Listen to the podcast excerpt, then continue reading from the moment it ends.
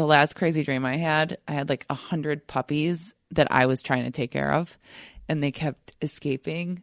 And You're like Cruella de Vil in 101 no, because I love the puppies. I love them so much, and they they were about to jump off the roof, and then they were. I was worried they were going to run into the street, and then I somehow was in my convertible, and they were trying to crawl out of that, and I just panicked. I love puppies so much, and at the end of the dream, all of these people showed up in my building on the rooftop, and everyone volunteered to take a puppy home with them.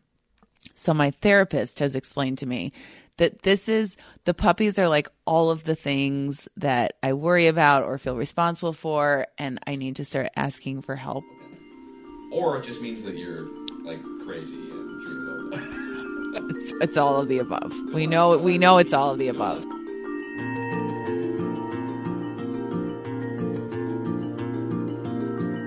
I'm Elizabeth Dean, and that is a wrap for season one of Healers.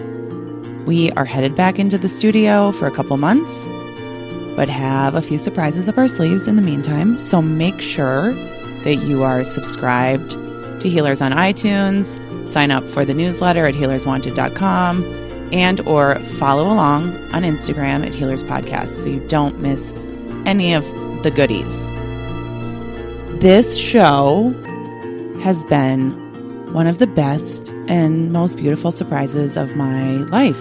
I still can't believe that I get to show up here every week and talk to these amazing people who are guiding us and helping us return to our truth and really a whole new way of being.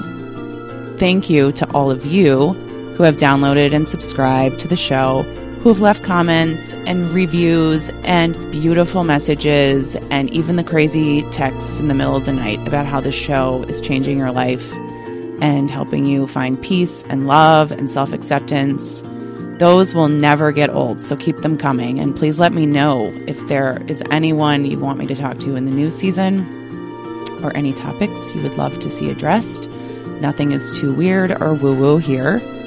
And finally, a big thanks to my producers, Phil Mackey and Derek Wetmore, who have held my hand and added my dramatic pauses as appropriate from day one.